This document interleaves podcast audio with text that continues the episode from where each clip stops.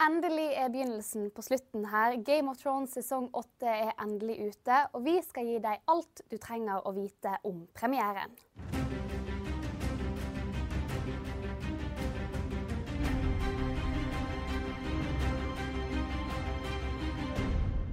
Dette er Tronetid, Dagbladets Game of Thrones-program. Og det er kanskje litt unødvendig å si, men dette programmet det er spekkfullt av spoilere. Så hvis du ennå ikke har sett uh, den første episoden i sesong åtte, så bør du snu i døren og så heller komme tilbake igjen når du har sett den. Uh, vi skal begynne rett på, uh, for dette her var på mange måter en verdig åpning, men kanskje den skuffet litt. Marie Kleve, du terne, trillet terningkast fire. Hvorfor det? Nei, det var jo en episode som på mange måter prøvde å være mye av det som Game of Thrones er kjent for. Altså, vi, vi hadde eh, masse rørende gjenforeninger, så klart. Men vi hadde også en nesten sex position-scene som vi har blitt masse utskjelt for før, men som kom tilbake denne gangen. Eh, vi hadde en del humor, faktisk, eh, og mye gravalvor. Eh, men så var det liksom noe som mangla. Og det var vel kanskje det som Game of Thrones er aller mest kjent for. Nemlig de store overraskelsene. Mm. Hvor ble det av dem? Og da tenker jeg at det er kanskje det, Den hadde et problem, som uh, denne episoden, som, uh, som, som, vi kanskje ikke kommer utenom.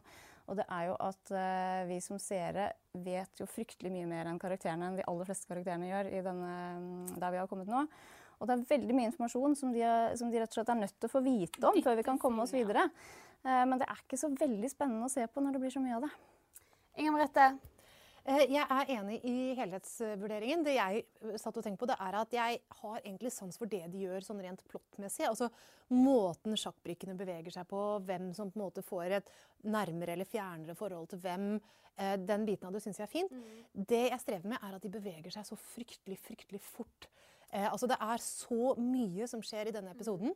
Det gjør det på en måte underholdende, det gjør det lett å se på. Det er jo en time som går som en vind.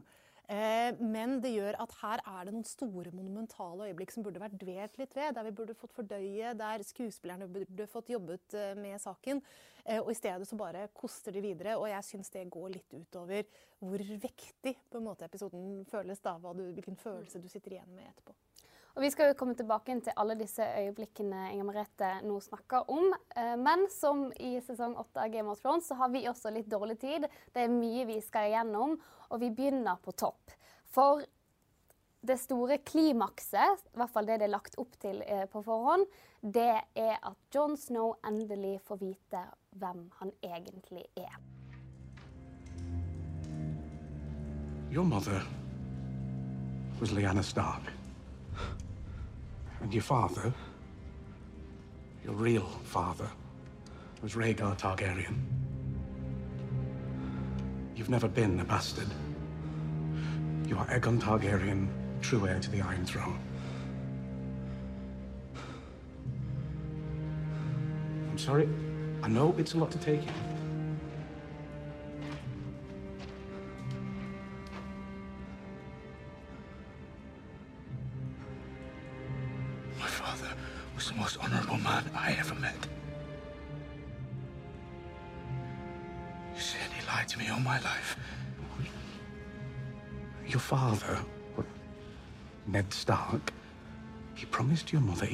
Always protect you. And he did. Robert would have murdered you if he knew. You're the true king. Aegon Targaryen, sixth of his name, protector of the realm, all of it.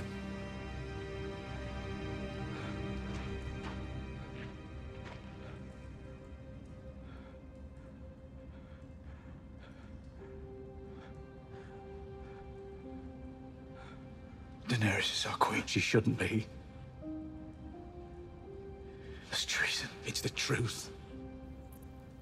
Ja, der fikk altså John Snow vite at han slettes ikke er noe Snow. Han er Aegon Targaryen the sixth of his name. Eh, ikke så veldig originale med navnet Game of Thrones. Det er vi ikke her heller. så dere får ha oss unnskyldt eh, for det. Men ja. Eh, Marie, hva synes vi om denne scenen her? Det var jo kanskje et lite antiklimaks. Man må jo si det. Um, han fikk altså den store, store nyheten som, som, vi andre har visst om en god stund allerede og gjettet oss til for lenge, lenge siden. Eh, men som har vært en helt en meganyhet for han. Og hvordan er det han ser ut i fjeset? Han ser ut sånn som han alltid gjør. Altså, Kit Harington har bare ett ansiktsuttrykk uh, i rollen som uh, Jon Snow, og det er konstant fortvilet. Uh, Inger Merete, er det, Nei, det er skuffende? Jo, ja, det er jo det. Altså, skal jeg være helt ærlig, så har jeg tenkt egentlig siden ganske tidlig i serien at den rollen er litt feilkasta. Altså, den skal gjennom så mange eh, bølgedaler og tindetopper av, av, følelser og dramatikk. Og en skuespiller som hadde hatt større rekkevidde, rett og slett, ville eh, klart å gjøre den rollen litt bedre, i stedet for Kit Harrington, som jo altså, Om du sier til ham at 'jeg tror det er kaldere i dag enn i morgen', eller du har arving til jerntronen, så blir du møtt med samme maske. Da. Det, det, er nok en del Kit Harington-fans der ute som vil være litt uenige med altså, deg. Ja, de får, de får ja. komme, men det, det også, Men dette er jo også noe med at dette blir jo tydelig når du ser det opp mot andre skuespillere i serien som nettopp har alt dette, som er gode skuespillere. For han er jo i scenen sammen med en annen mm. som spiller helt fantastisk uh, mm. i denne uh, episoden, uh, Sam. som også får urovekkende nyheter denne episoden. Um, hva, hvordan kan man sette det opp mot uh, hverandre, de to prestasjonene? Nei, jeg må jo si at jeg var ganske spent på dette. Det snakket vi om i forrige program. At dette med hvordan uh, møtet mellom Sam og Denaris ville være når de møtes etter at uh, hun faktisk har tatt livet av faren og, og broren hans. Og så må jeg da legge til en liten sutring til at dette er også et eksempel på at ting beveger seg for fort.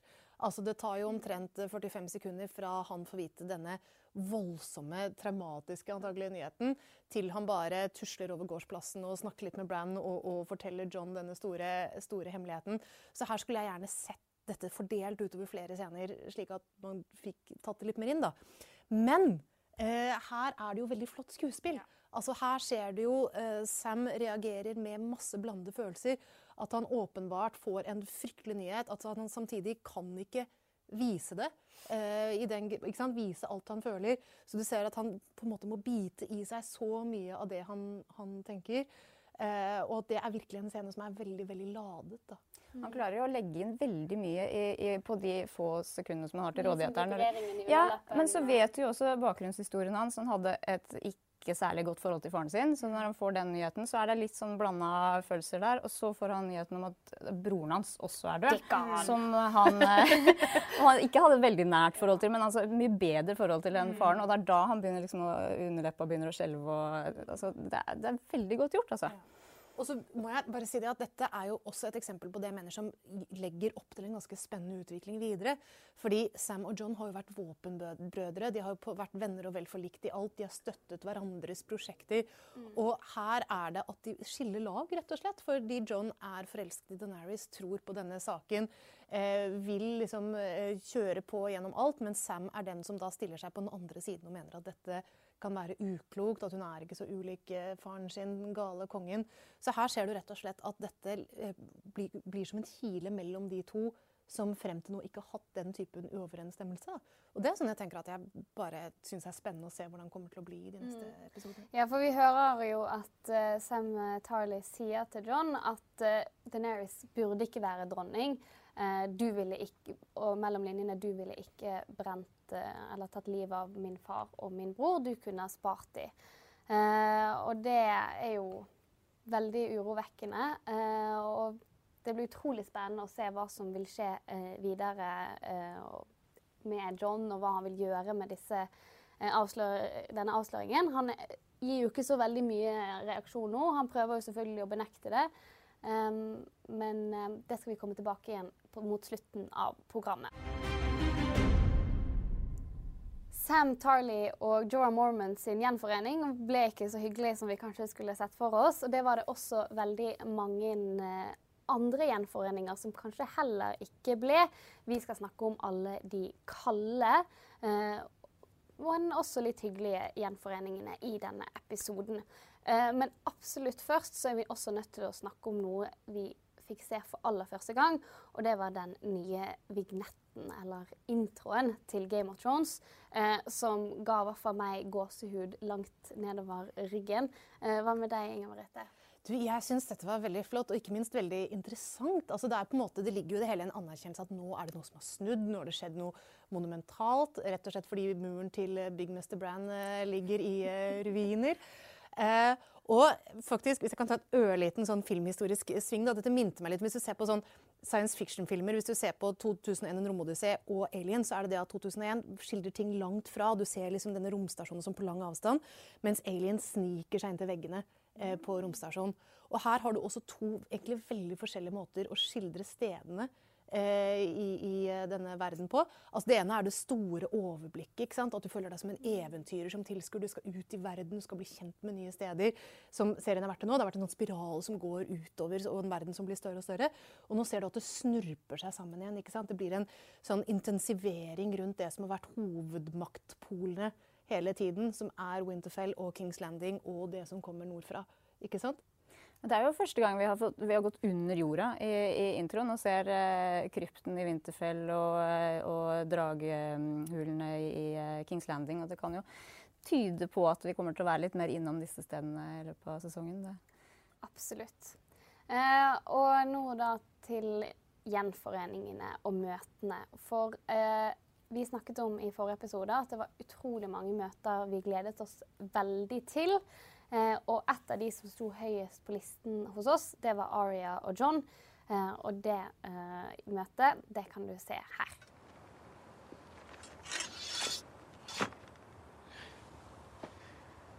Where were you before? I could have used your help with Sansa. She doesn't like your queen, does she? Sansa thinks she's smarter than everyone. She's the smartest person I've ever met. You're defending her. you. I'm defending our family. So is she. I'm her family too.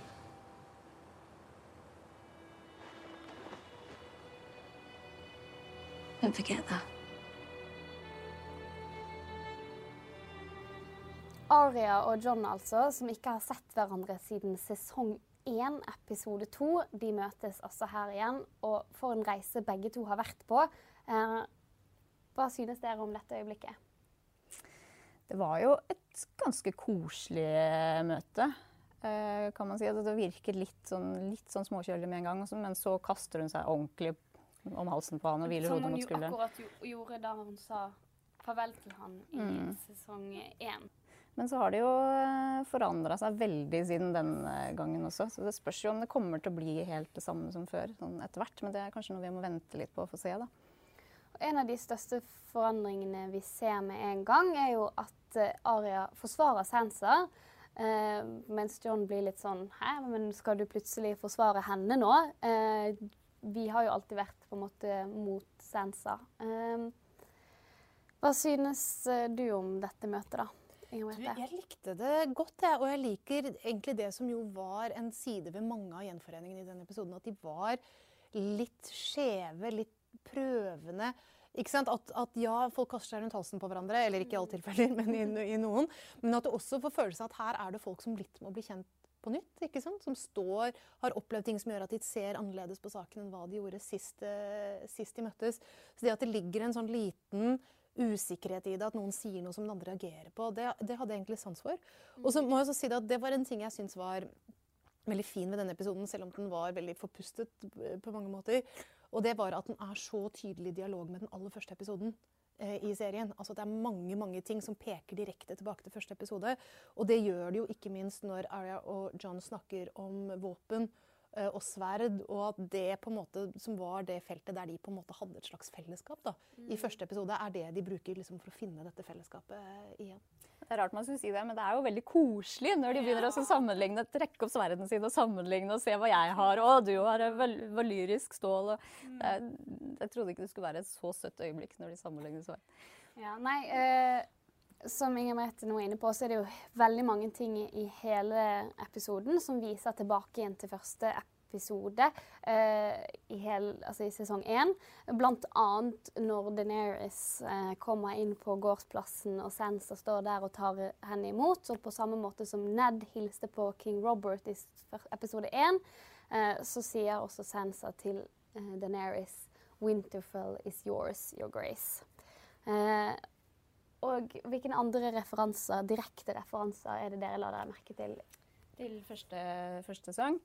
Den aller første er jo den første som kommer i episoden. Med, Ja. med den lille gutten som, eh, som spurter av gårde inn på, for, å, for å rekke å klatre opp i et tre og så se hele eh, hæren som kommer marsjerende inn. Da jeg så han først, så tenkte jeg oi, er det et nytt tilbakeblikk til Bran? tenkte jeg, Eller til Aria fra, fra da de var små. For det var jo veldig, veldig sånn som de så ut i den aller første episoden. Disse gjentagelsene blir jo også litt ironiske. ikke sant? Fordi Når Ned sier til Robert at Winterfell is yours, så er jo dette gamle kumpaner fra krigen. De har liksom ledet et opprør.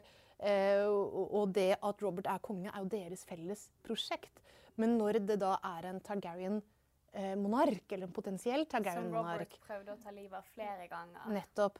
Så er jo det det med at uh, Sansa nå sier at Winterfell is yours, så er jo det på en måte også en slags kapitulasjon. Det er på en måte noe som uh, bryter ned det som faren hennes og Robert jo bygget. da. Eller de, altså at hele, de, hele deres prosjekt var jo da å overta tronen fra nettopp denne familien. Og det er jo da også koker jo av eh, altså Jeg vet ikke om følelsene er så blandet engang. De er vel ganske markant negative. Den var, den var ganske iskald. Det skal ja, det godt gjøres å si velkommen til en dronning på en mer iskald måte enn det der, tenker jeg. Ja, for det var jo eh, helt åpenbart fra første sekund at Deneris Targaryen ikke er spesielt velkommen i nord. Det fikk vi se i flere scener, bl.a. bare av The Common People, da, som de omtales som, som står ute og venter på eh, at eh, hun skal komme forbi.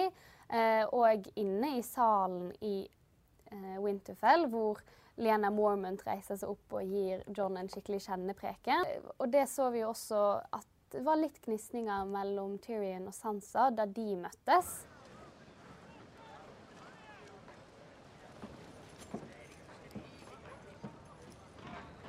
I'm sure you weren't thrilled to hear the Lannister armies marching north. You have every right to be fearful of my sister. No one fears her more than I do, but I promise you'll be safe. Cersei safe. told you her army was coming north to fight for you, She did.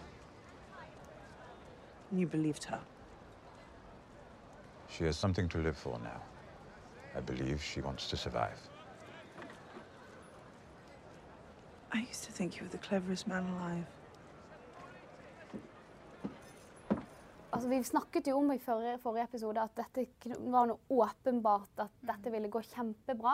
Um, var det som forventet? Var det verre? Ble det bedre? Jeg syns egentlig det var nesten akkurat som forventet. Altså det, det understreker den, den uh, ideen vi hadde om at, om at nå er de måte kommet på samme nivå, disse to her. Eller kanskje til og med det har forskjøvet seg litt. fordi på mange måter så var jo dette her en episode hvor Sansa fikk lov å stråle ekstra mye. Hvor det ble tydelig, eh, ikke minst når Aria snakker med John, da, at hun eh, har vokst ekstremt siden første, aller første sesong. At hun har faktisk blitt en av de smarteste spillerne i serien. Og det ble også veldig tydelig da hun da snakket med Tyrion og de diskuterte eh, dette at, eh, at Cersei skal sende styrkene sine nordover. Og Tyrion, Tyrion var sikker på at det ville stemme, og så sier hun da eh, Jeg Altså- trodde at du var smartere enn dette her. Cersei Lannister ofra styrkene sine. Eh, altså sånn, ja. Det er jo egentlig ganske sykt at Tyrion tror på det i det hele tatt. Eh, det er jo egentlig ikke så veldig bra. Og han kommer jo allerede i neste episode til å få vite at eh, OK, ja. Men han er jo ikke den eneste som tror på det. Altså, alle som, eh, alle som hørte på Cersei, trodde på dette. her, Så Sansa er jo foreløpig den eneste som umiddelbart da skjønner at dette Men her Sansa er, og eh, Tyrion er jo de som Av alle disse menneskene som kjenner Cersei best også, da. Eh, at John kjøper det, som er altfor godtroende, og at Daenerys kjøper det, som ikke kjenner Cersei annet enn det hun har hørt, mm. kjøper det, det kan man på en måte liksom synes er greit, men at Tyrion har kjøpt det, da, er jo Han skal, jo, ja, han skal jo liksom være den rådgiveren til den der som står og, og ja, som skal advare henne mot nettopp sånne ting som Det var jo nettopp derfor hun ble rådgiveren hans. f- Eller han ble rådgiveren hennes fordi at han kjente fienden så godt, da, og så gjør han jo ikke det. Men der er det jo også en interessant bevegelse i denne episoden, som jo sies omtrent helt eksplisitt. Altså at Sansa sier til Tyrion ikke sant, at hun pleide å se sånn opp til hans intelligens. da. Og, og litt senere i samme episode så sier jo Arja til John, altså hun forsvarer Sansa og sier at hun er at hun er en av de smarteste eh, hun kjenner. Og på en måte kan du si at ja, det er en litt sånn vippehuske der Tyrion og Sansa har byttet plass. da. For da de ble kjent, så var det jo hun som var den naive romantikeren, og han som var den kyniske. Han som på en måte ikke trodde at noen hadde noe godt i, i sinne og på en måte alltid var ganske nøktern i sine utsikter eh, på verden. Det som har skjedd siden da, er at han har jo fått noe å tro på. Altså, han har jo fått den litt sånn romantiske eh, tilslutningen til Denaris og hennes sak, men Sansa er blitt veldig mye mer desillusjonert og realistisk. Og nå er det jo hun som tar det perspektivet som hun har gjennom hele denne episoden, da, som er det hardt realistiske, det praktiske. Hvordan skal vi gjøre dette? Hvordan skal vi få mat? ja. Det fikk, vi, det fikk vi altså ikke noe svar på. Hvordan skal vi, hvordan skal Thrones fôre alle disse menneskene og dragene? sesong eh, åtte, episode seks. Alle sulter i hjel. Eh, det kan jo gå sånn. Vi skal videre. For det var jo ikke bare gjenforeninger, det var jo også nye møter. Eh, blant annet så møtte Cersei eh, The Golden Company i Kings Landing. 20 000 menn, ingen elefanter, som Cersei var ekstremt skuffet over. Eh, og så fikk hun også skjøn, Eller skjønte hun også kanskje da at hun måtte være litt varmere om, mot Euron om hun skulle beholde hans eh, troskap. Eh, her har du veldig mye på hjertet, Inger Merete. Ja, fordi jeg ser det er så mye spekulasjoner rundt denne graviditeten til Cersei. Og noen som lurer på er hun egentlig gravid. Kanskje hun ikke er det. Noe det syns ikke. Ja, for det som skjer, er jo at Eh, de ligger sammen, mm. og så etterpå så tar Euron Cersei på magen og sier 'jeg skal gi deg en Mm. prins'. Men Cersei har jo allerede sagt at hun er gravid da, men med Jamie sitt barn. Dette vet jo ikke Euron. Mm. Er hun gravid? Er hun ikke gravid? Altså, no, noe av det søteste jeg så, var jo på internett der noen eh, mente at hun ikke kunne være gravid fordi hun fortsatte å drikke vin. Og da tenkte jeg at dette er jo veldig fint. I denne verden hvor man dreper og voldtar og torturerer for fote, så passer man veldig nøye på å holde seg til Helsedirektoratets Jeg har vært en av de på internett, altså. Jeg skal si det. Jeg har vært en av de på internett. Um, Det er jo et tidsaspekt her som man kan prøve å, å tenke litt på. Men vi vet jo ikke hvor langt hun var på vei da hun avslørte det her for Tyrian forrige gangen. Og nå har det kanskje gått en to-tre uker, kanskje. Så mulig at det burde begynne å synes, eller at, eh, at Euron burde ha fattet mistanke når de var så tett på hverandre. Men kan, kanskje ikke. tror du hun er gravid? Jeg har vel egentlig aldri trodd det, egentlig. Tror du hun er gravid? Ja, og det jeg tror er at hun nå, Jeg tror hun er gravid med Jamies barn.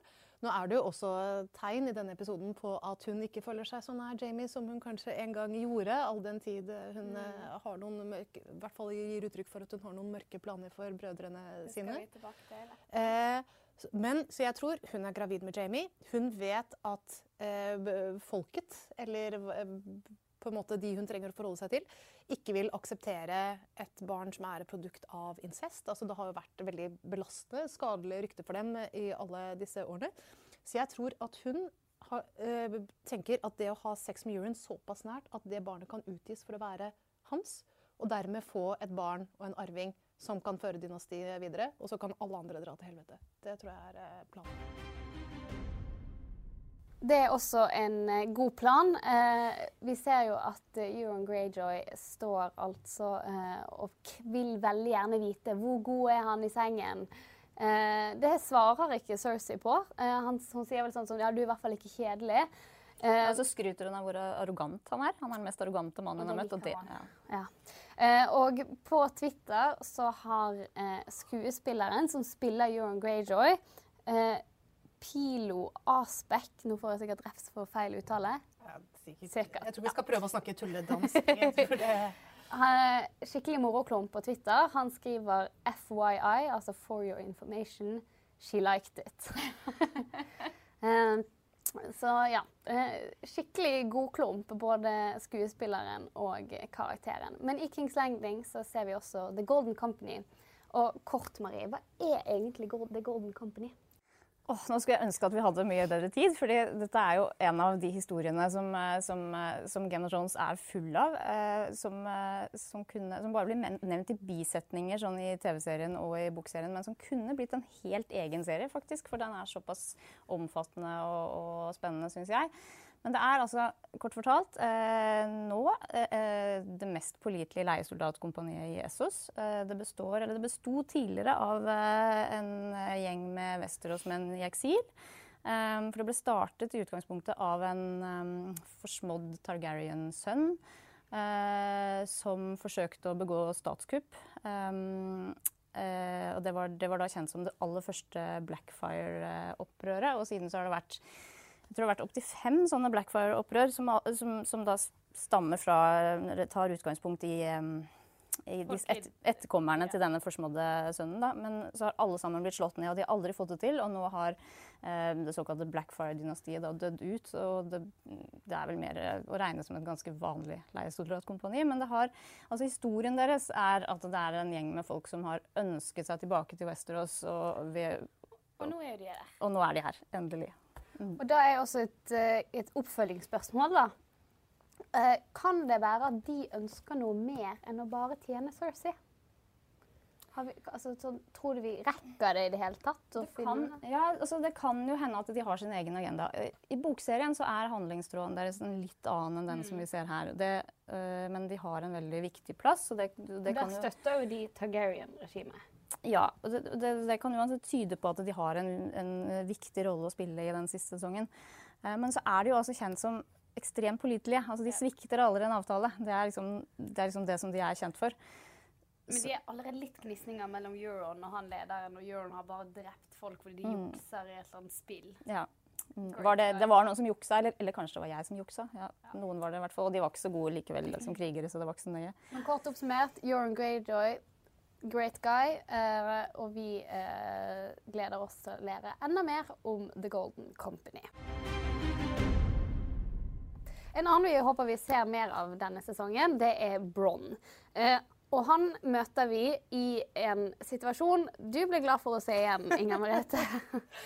Ja, nei, det er jo, Jeg kom vel til å si da vi snakket om hva vi håpet vi fikk se denne sesongen, at jeg i hvert fall lurte på om de kom til å vende tilbake til sin jeg eh, vet ikke om man skal si gode, gamle tradisjon, men i hvert fall sin sexposition-tradisjon, som jo var eh, hysterisk eh, til dels i de første sesongene. Eh, hvor det også var snakk om at hvis man har en scene der man trenger at karakterer utveksler informasjon da, for at seeren skal få det med seg, så kan de like gjerne gjøre det mens de har sex i, i alskens posisjoner. Gjerne med tre damer. Ja. Og, Helst med tre damer. Det, er det har stort sett vært menn som har pratet, og så har det vært damer som har uh, mm. Mens de stiller sånne oppfølgingsspørsmål, så, og hvordan da, og, og, og uh, den typen ting. Uh, men altså, samtidig jeg hadde, altså, Den ble jo selvfølgelig brukt vanvittig spekulativt. Men, men jeg, på en måte så tenkte jeg at de, de, jeg var ikke så sikker på om de skulle latt seg skremme fra det heller. for å si det sånn, fordi i et univers der på en måte sex er også en vare. da. Der det er en del av ressursene du har. Hvis du eh, kan utnytte det i forskjellige situasjoner, så gjør du det. Så det å ha et så tilforlatelig forhold til sex at der bare har man en samtale som på samme måte som man har de andre situasjoner. Jeg tenkte at det var også en del av det noe litt sånn eh, infame, åpenhjertige eh, siden ved, ved, serien. Men altså i denne episoden der eh, Bron får e- et oppdrag rett eh, omtrent samtidig som han har sex med tre prostituerte, den var på en måte så overdreven at det nesten mer enn sin egen scene så Det ble nesten en selvparodi. Det ble nesten som om de blunker over skulderen til mm. sitt gamle jeg. Jeg, jeg, tror, det, jeg tror, det, var helt bevisst. Det fordi, fordi dette med sex position-scener, jeg klarer nesten ikke å si ordet, det, det har jo vært en kjempediskusjon eh, i, mange, i flere år. Og, og, de siste sesongene så, jo, så, ser vi jo at serien har beveget seg litt bort fra dette her, antageligvis etter all den kritikken som de har fått. Og det, det, har vært skrevet side opp og side ned, og til og med bøker, tror jeg, om dette, om dette her. Eh, og, og Game of Thrones har liksom liksom satt presedens på mange måter. Men, ja. Men jeg har jo fått masse, bøttevis med kritikk. Mm. Så da jeg, da jeg, så denne scenen, den er jo ikke egentlig en klassisk uh, sex position-scene, for det er jo ikke noe viktig informasjon som blir delt mens, mens, mens Bronn holder på her. Det er jo, det er jo egentlig det stikk motsatte. Han, mm. de, de, skravler, og han liksom kan ikke holde kjeft. Det kan vi komme til saken. ja. så, så, jeg tenker at det, egentlig at det er et lite sånn, eh, et lite sånn nikk til de kritikerne av den type scener. Som vi har ikke latt oss kue huet helt, altså. Ennå. Han er ikke som uh, uh, Viserys, som er sånn, sitter og får uh, ereksjon av å snakke om Miraxis. ja, en liten referanse til sesong én der igjen, altså. Men denne scenen gir oss noe annen viktig informasjon. Kanskje det som var mest overraskende, i hvert fall for min del i denne episoden, er jo at vi forrige sesong ikke helt fikk skjønte hvor var Bron i miksen når Jamie stakk. Men jo, han var igjen eh, her. Tjener fortsatt eh, Queen Cersei. Og så kommer Kyburn inn med en armbørst eh, og masse gullpenger med et oppdrag. Our Queen's brothers are unlikely to survive their northern adventures, but in the event that they do,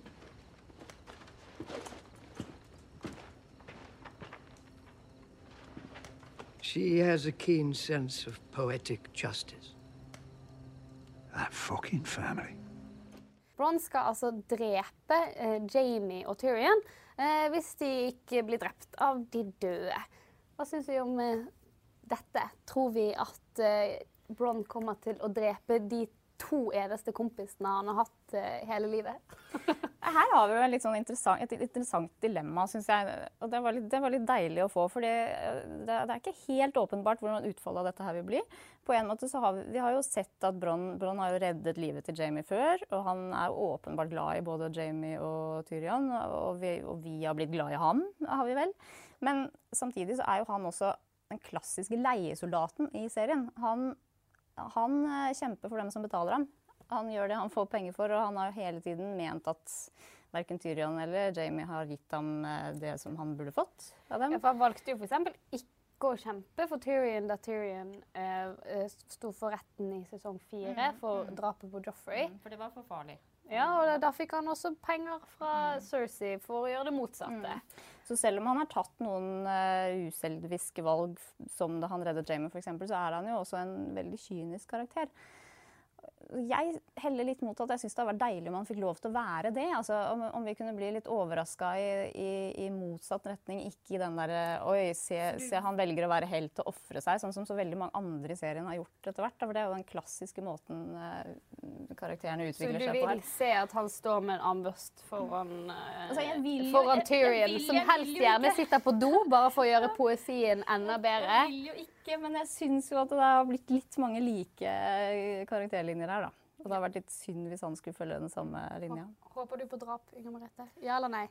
Um, vet du hva, Jeg er faktisk litt på gjerdet der. For jeg, litt, jeg, føler liksom at det holder at Jamie har sin på en måte redemption-historielinje. Ja. Hvis også Bron, De to er så nært forbundet til hverandre. Hvis han også skal få det, så kan det bli litt altså For en serie som har vært såpass kompromissløs, så kan det virke som noe å feige litt ut. da. Uh, men samtidig så vil man jo ikke helt at Bron skal skal gjøre det. Skal havne liksom i den, den Bli en drapsmann på den måten. Da. Fordi han er jo en favoritt. Han, han er jo en skikkelig seerfavoritt. Ja, og nå når vi snakker om casting og sånn, det er også et eksempel på kjempe, kjempegod casting. Ja. Altså Hvordan han bare eh, gjør den rollen til noe eh, spontant og happy-go-lucky. Og er rett og slett en fryktelig sjarmerende skikkelse. Han kan egentlig gjøre hva han vil, og vi, vi fortsetter å heie på ham. da. Kanskje ikke akkurat super, dette. Kanskje ikke akkurat dette, kanskje dette faktisk er grensen. Mm. Men supercasting, superspill, veldig bra, godt gjort å få oss liksom med på så mye da, som, som Bron gjør. Eh, men hva gjelder denne scenen, så tenker jeg på at dette er jo et nytt steg på denne, det som vi også snakket litt om i forrige episode, dette med Cersei og Jamie som siger fra hverandre. Da. At de som Eh, hvor så mye av serien er basert på at de hører sammen, og de skal på en måte alltid søke sammen mot hverandre. Altså Det ser jo ut nå som om der er det faktisk flerret opp da, på en måte som i hvert fall akkurat i dette øyeblikket virker litt vanskelig å bøte. Skal vel godt gjøre å bli verre enn at hun prøver å hyre en leiemorder for dame. Ja. ja. Og nå skal vi tilbake igjen til noen av de karakterene vi bryr oss aller mest om i denne historien. Eh, Jon Snow og Deneris Targaryen. For eh, vi får se noe veldig mange av oss, inkludert eh, meg selv, har hatt veldig lyst til å se veldig lenge. Jon Snow som flyr på Rhaegal.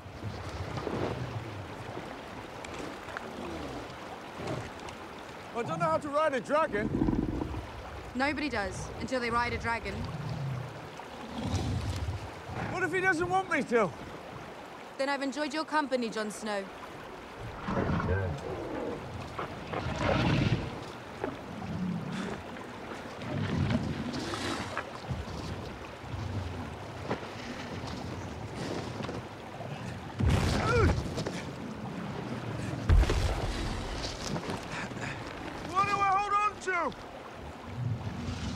Can.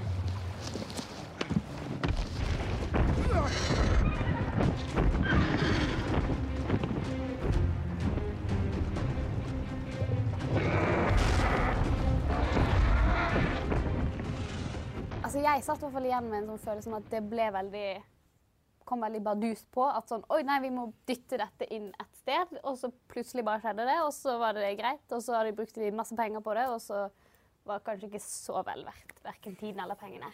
Nei, for det, Dette var jo kanskje en, en, av de mindre logiske sekvensene i episoden. Altså, det var en scene som fansen har venta skikkelig på, så den måtte jo inn. Men vi trodde jo at det kanskje skulle komme etter at John har fått vite at han var en Targaryen, og dermed liksom, tenker med en gang å ja, da kan jeg jo ri på drage, så det må jeg prøve. Men så kom det før det. Eh, men så kom det jo også som eh, Det ble litt sånn rart. Fordi, fordi nå, har nettopp, eh, nå, har nettopp, John og Daenerys fått vite eh, via Bran at nattkongen har brutt gjennom muren og er på vei sørover med hele hæren sin. Og ikke minst, han har en drage som er liksom den tidligere babyen til Daenerys. Og Daenerys bare sånn Hun reager, reagerte, hun reagerte nesten ikke.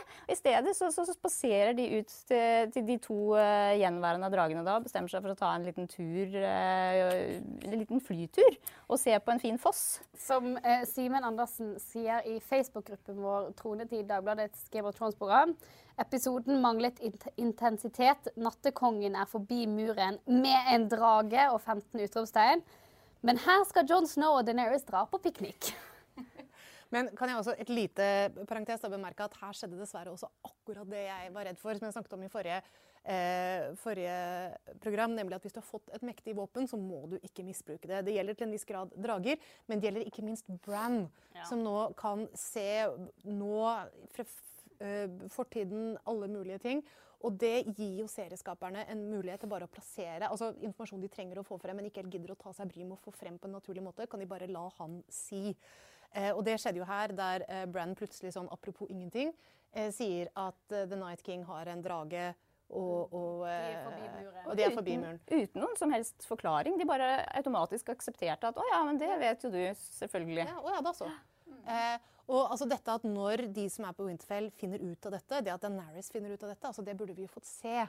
Det burde vært vist frem. Du burde sett reaksjoner på ansiktene til dem det gjelder. Eh, så det var, der, altså, sånn at ikke på en måte det ble liksom med en gang sånn faen, liksom. Mm. At det, I hvert fall hos John. Okay, han snakker jo om at 'the titles doesn't matter', og er veldig sånn der, 'everything that matters is the Night King'. Og denne talen han fortsetter og fortsetter og fortsetter å ha.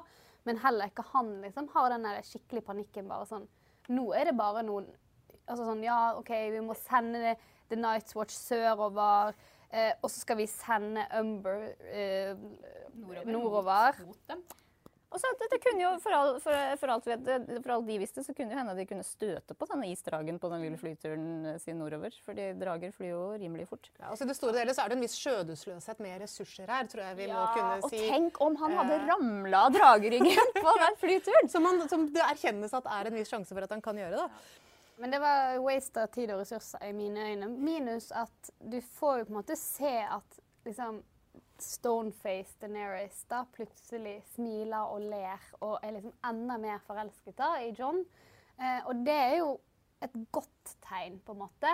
Fordi at eh, vi ser jo i tegn til andre steder i episoden av at eh, det slettes ikke alt er som det skal oppi hodet på den damen der. Eh, men da liksom, har den myke siden, og det, liksom, det trenger det håpet innimellom der. da. Mm. Selv om den ene babyen hennes var vel ikke spesielt begeistra for den nye pappaen sin. så det som. Drogon når han står og stirrer på liksom, Don mens de kysser. Uff. Det blir jo nevnt et frieri her også. Eh, Davos eh, vil eh, snakke med Tyrion om at kanskje de burde gifte seg. Er det en løsning på konflikten? Altså, Du kan jo skjønne at de tenker det, eh, men nå har vi også fått ganske mange tegn eh, på at det og på informasjon som da det også gjenstår at noen sentrale personer finner ut av. Da. Ja. Eh, men en god del grunner til at dette ikke er en god idé. Og det er jo nå, hvis man tenker på denne eh, Daenerys som den gale dronningen-tråden, så er det jo indikasjoner på det også i denne eh, episoden. Altså Hun er jo på ingen måte noen diplomat. Eh, når hun har en samtale med John hvor de snakker om at Sansa ikke liker henne. altså Hennes eneste respons er jo ja, men jeg er jo dronning, så. Ikke sant? Altså altså en antydning om at du har ikke rett til ikke å like meg, eller ikke til å være ydmyk. Mm. Og, og, det å ta den holdningen, og i hvert fall ta den holdningen overfor eh, folket på Winterfell, da, det, det, har vel generelt ikke vært noen suksessoppskrift. Ja, det er veldig mange tegn til uh, som er sånn urovekkende. Annet uh, helt i begynnelsen av episoden, hvor uh, John og Daenerys rir inn mot Winterfell, og Daenerys får høre av John at ja, nå folk i nå er ikke så veldig vennlige med, mot fremmede, og de ser veldig skeptiske ut, eh, hele gjengen. Eh, og da kommer Drogon og Regal flygende inn lavt og skremmer livskiten ut av alle som står og ser på. Bortsett fra Aria. Bortsett fra Aria, selvfølgelig, men hun er jo badass, så det er jo noe annet. Eh, Men mens da liksom folket løper av skrekk, så sitter Daenerys der og da og godter seg. Og så i tillegg, inne i uh, salen i eh, Winterfell, når Sansa spør ja, hva spiser egentlig drager da, så snur Daenerys seg bare sånn. Nei, de spiser det de vil. Altså sånn Det var, det var, en, det var en nesten direkte advarsel. En liten trussel. Altså, det var Ja, det var Og når du da, måte, men når du da ser henne sammen med John, og hun smiler og ler og kysser og flørter, så bare sånn Det er et lite håp der også på at de to sammen eh, Hvis hun klarer å godta at for det første det er incest, og for det andre så har han egentlig et sterkere krav på troen enn hun, at den foreningen kan være skjønn, da. Og det er også en, en altså, det er jo ja, lite lysegrønt håp, men jeg syns jo det kanskje blafrer ganske svakt etter hvert, skal jeg være helt ærlig. Og, og ikke minst når det kommer det at han har et, altså, har et sterkere krav da, til tronen enn hva hun har. Men et, en også veldig tydelig forskjell mellom dem, som også aksentueres da, i denne episoden. Det er jo at Han sier jo rett ut at han ville ikke bli konge, mens hun vil jo veldig, veldig gjerne bli dronning. Så på en måte posisjonen deres er skjev på den ene måten, mens uh, ambisjonen deres er skjev den andre veien. Da. Han har et sterkere krav, men hun har et sterkere ønske. Uh, og dette kommer til å komme i konflikt. Pluss selvfølgelig at uh, Game of Thrones er en serie hvor det er nesten ikke lov med lykkelig kjærlighet. Det er noe som, det, er noe som det ender ikke godt. Nei, det gjør ikke det. Og vi tror jo heller ikke at verken John eller Daenerys overlever denne sesongen. Eh, hvorfor? Eh, Det kan du høre litt mer om i forrige episode. Og så har vi kommet til noe av det som gjør at i hvert fall jeg elsker Game of Thrones så mye. Og det er alt man kan sitte og rive fra hverandre og spekulere om. Eh, og det første er altså at Aria hun skal eh, få lage et våpen. Eh, hun går til Gendry, også en veldig hyggelig eh, eh, en veldig hyggelig reunion. Der ser vi faktisk overraskende nok at det er en liten gnist og liten, litt flørting. Eh, kanskje det blir lykkelig kjærlighet der. Eh, og hun skal få da, men hun ville ha laget et våpen, som vi får se en tegning av. Hun sier ikke noe om hva hun skal med det våpenet. Men det har Internett 1000 eh, svar på. Eh, hva er blant teoriene her, Marie? Nei, altså vi ser jo bare, Det er jo ikke en så veldig god tegning heller, så vi får jo håpe at Gendry får litt sånn ekstra informasjon da, hva dette er for noe. Det, det, står, står med sånn, det er, det er, et bilde av eh, en spydspiss og så noen piler som går inn i et skaft. Og så står det eh, drageglass under spydspissen. Så det, det, vet vi i hvert fall at det er, det er drageglass. Og det, er jo på en måte selvsagt hvis hun skal slåss mot zombier. Um, men det har vært litt sånn ulike Nå har jeg googla dette her, og det har vært litt ulike teorier på internettet. Da. Det er noen som tror at uh, det er en slags spydkaster. Altså uh, at den innretningen som spydspissen stikkes inn i, er noe som skal måtte, hjelpe henne å slenge det ut, sånn at hun plutselig får et våpen som har mye større rekkevidde da, enn den kniven og sverdet hun har fra før av. Og så er det en, og det heller jeg kanskje måtte, måtte tro litt mer på. Da. Det er en del som, eh, som, tror at dette er et våpen som kan deles i to og bli til to nye våpner, eh, våpen. Fordi det er eh, noen fra produksjonen også som har sagt noe i den retningen. At det kanskje er eh, hun, jo, hun, hun, har jo trent veldig mye på å slåss med en stav i Bravos. Eh, så kanskje vi kan få se en del sånne kule dansekampscener hvor hun slåss med et spyd som da også kan deles opp i to kniver, kanskje, til litt mer nærkamp. Det kunne være litt tøft, tenker jeg. da. Eh, jeg tenker i hvert fall umiddelbart at når man legger det inn ok, selvfølgelig så måtte vi på en eller annen måte få en naturlig møte mellom Gendry og Aria, eh, hvor det også var litt plot point og ikke bare 'hei, hvordan går det?' Eh, men når man legger inn et så tydelig hint, og man ser tegningen altså, De filmer aldri en tegning uten at det er meningen at måte, du skal legge merke til det. Eh, sammen med liksom, alle bøkene Sam satt og eh, leste i forrige sesong. Folk går gjennom det og finner hint faktisk noen ting som kommer til å skje. Og det var det også her. Så det er jo helt åpenbart at dette våpenet kommer til å bli, komme i bruk på en viktig ting. Og noe av det eh, man lurer på eh, kan være å, bruken, eller hva den skal brukes til, er for å drepe ingen andre enn The Night King. eh, tror du Aria har sjanse til å drepe The Night King? Eh, altså, det ville ikke overraske meg om det er hun som kommer til å gjøre det. Eh, fordi det er Aria som vi kanskje mer enn noen annen har sett øve seg på å slåss, og på å slåss i veldig veldig vanskelige Kanskje den beste til å slåss i hele Vesterås akkurat nå. Minus John, på en Den måte. fremste snikmorderen. Ja. Og noe jeg har lurt litt på, er jo det med at hun var blind så lenge, og det med at hun lærte seg å slåss bare ut fra hørsel, ikke sant? Og ut fra, ikke sant? Om det kommer til å bli utnyttet i denne situasjonen, da, på, på en eller annen måte. Om de kommer til å klare å koble den Bravos-historien på det hun nå, nå skal uh, ut i. Eh, men så er det jo, en ting er jo dreping, en annen ting er jo relasjoner. Jeg syns også det var interessant denne åpenbart litt sånn flørtete tonen de la opp til. Og det var det vel også noen som snakket om at her også er det et slags Altså ikke frempek, men bakoverpek, rett og Yes, slett. fordi at i The Crips of Winterfell, i episode 1 i sesong 1, så står uh, Robert og ber Ned om å bli hans hånd. Uh, og så sier han også 'Jeg har en sønn, du har en datter. La oss bli ordentlig i familie'. Eh, da hadde jo Han tenkte jo på Joffrey, som da ikke var sønnen hans. Eh, og så tenkte han på Sansa.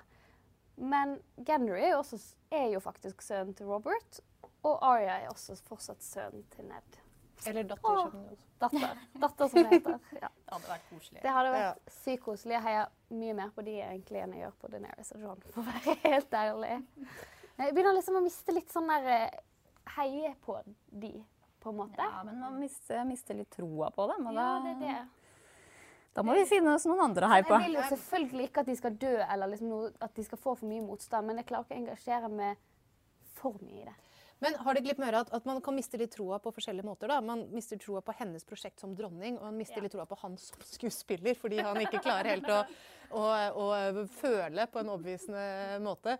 Så på litt forskjellige nivåer så er de rett og slett ikke, de tar, river deg ikke helt med da, på sin historie. Det hadde hjulpet hvis han klarte å se litt mer forelska ut. Ja. Hadde det. Men så jeg syns jo at disse to her, der er det noe litt sånn som lever og som gnistrer, og som er litt gøy. da, som gjør at Maisie er- Williams er, har jo vokst voldsomt i den rollen som Mm. Arya Stark. Hun er jo helt um, Ja, hun er Arya, på en måte.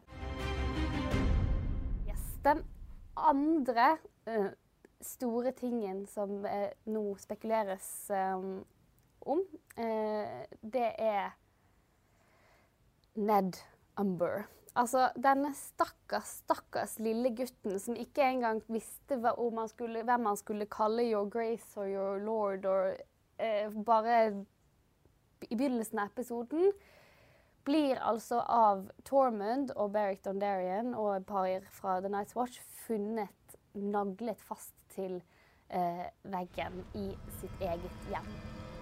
The Umber boy. It's a message from the Night King. His arm is between us and Winterfell. We're on foot. We rode down from Castle Black. We can double up on the horses. If the horses last, we'll get there before the dead. We just have to hope the Night King doesn't come first.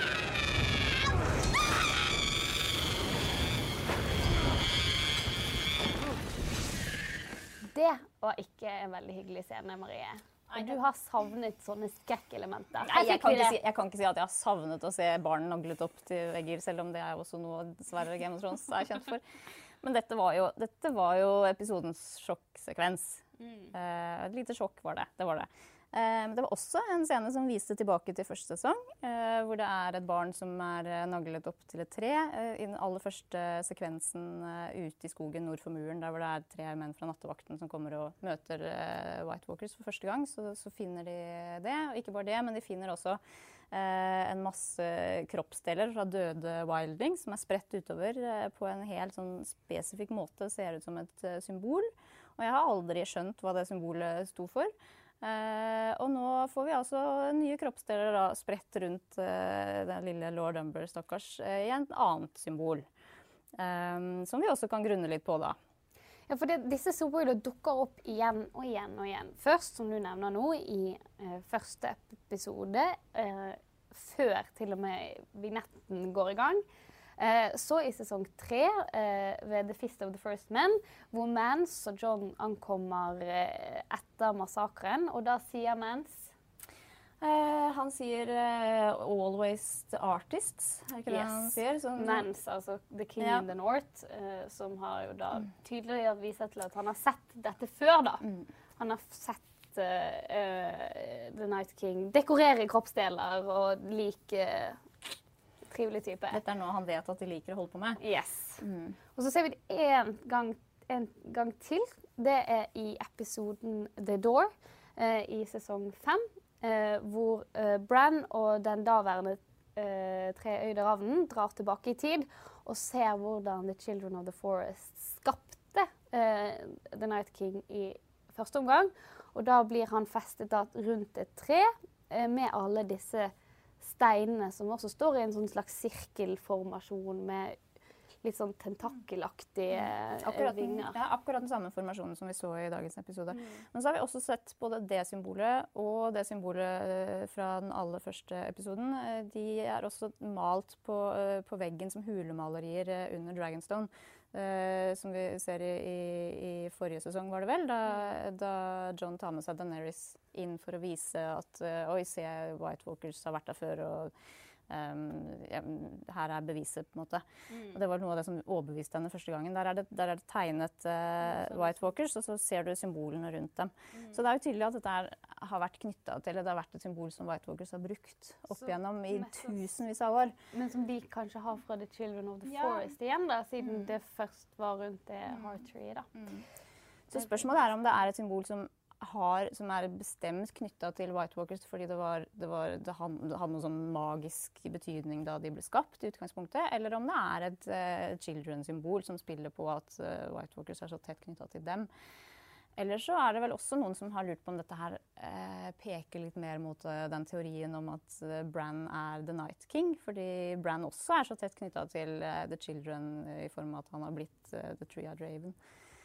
Men det er veldig mye uklarheter her, altså, så jeg håper at vi får vite litt mer om dette. Ja, for det sier jo Jeg tror det er vel Ed som sier det fra The Nice Watch, bare at eh, Eller er det Berrick? Det er Beric, tror jeg. Berrick som sier i scenen at um, uh, The Night King has a message for us.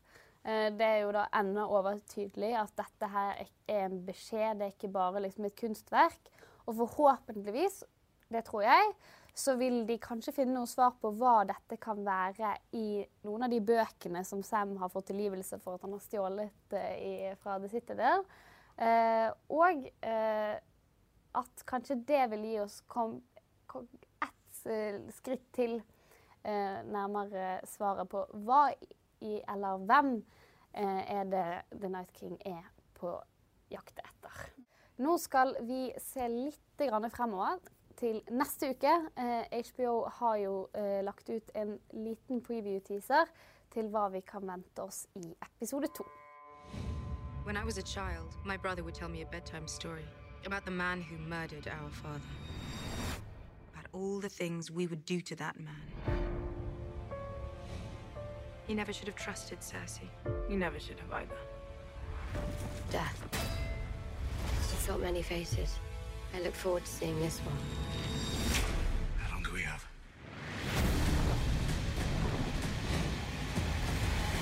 Before the sun comes up tomorrow.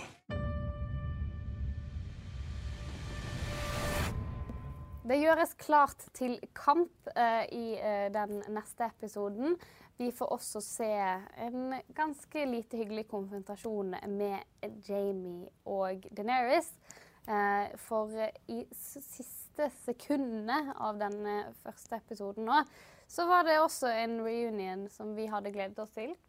Um, Jamie kommer til Winterfell og møter uh, Bran. Uh, og før vi snakker uh, mer om eh, eh, det teaseren forteller oss, så er vi også nødt til å spørre det store spørsmålet. Hvorfor sitter Bran der og venter på Jamie?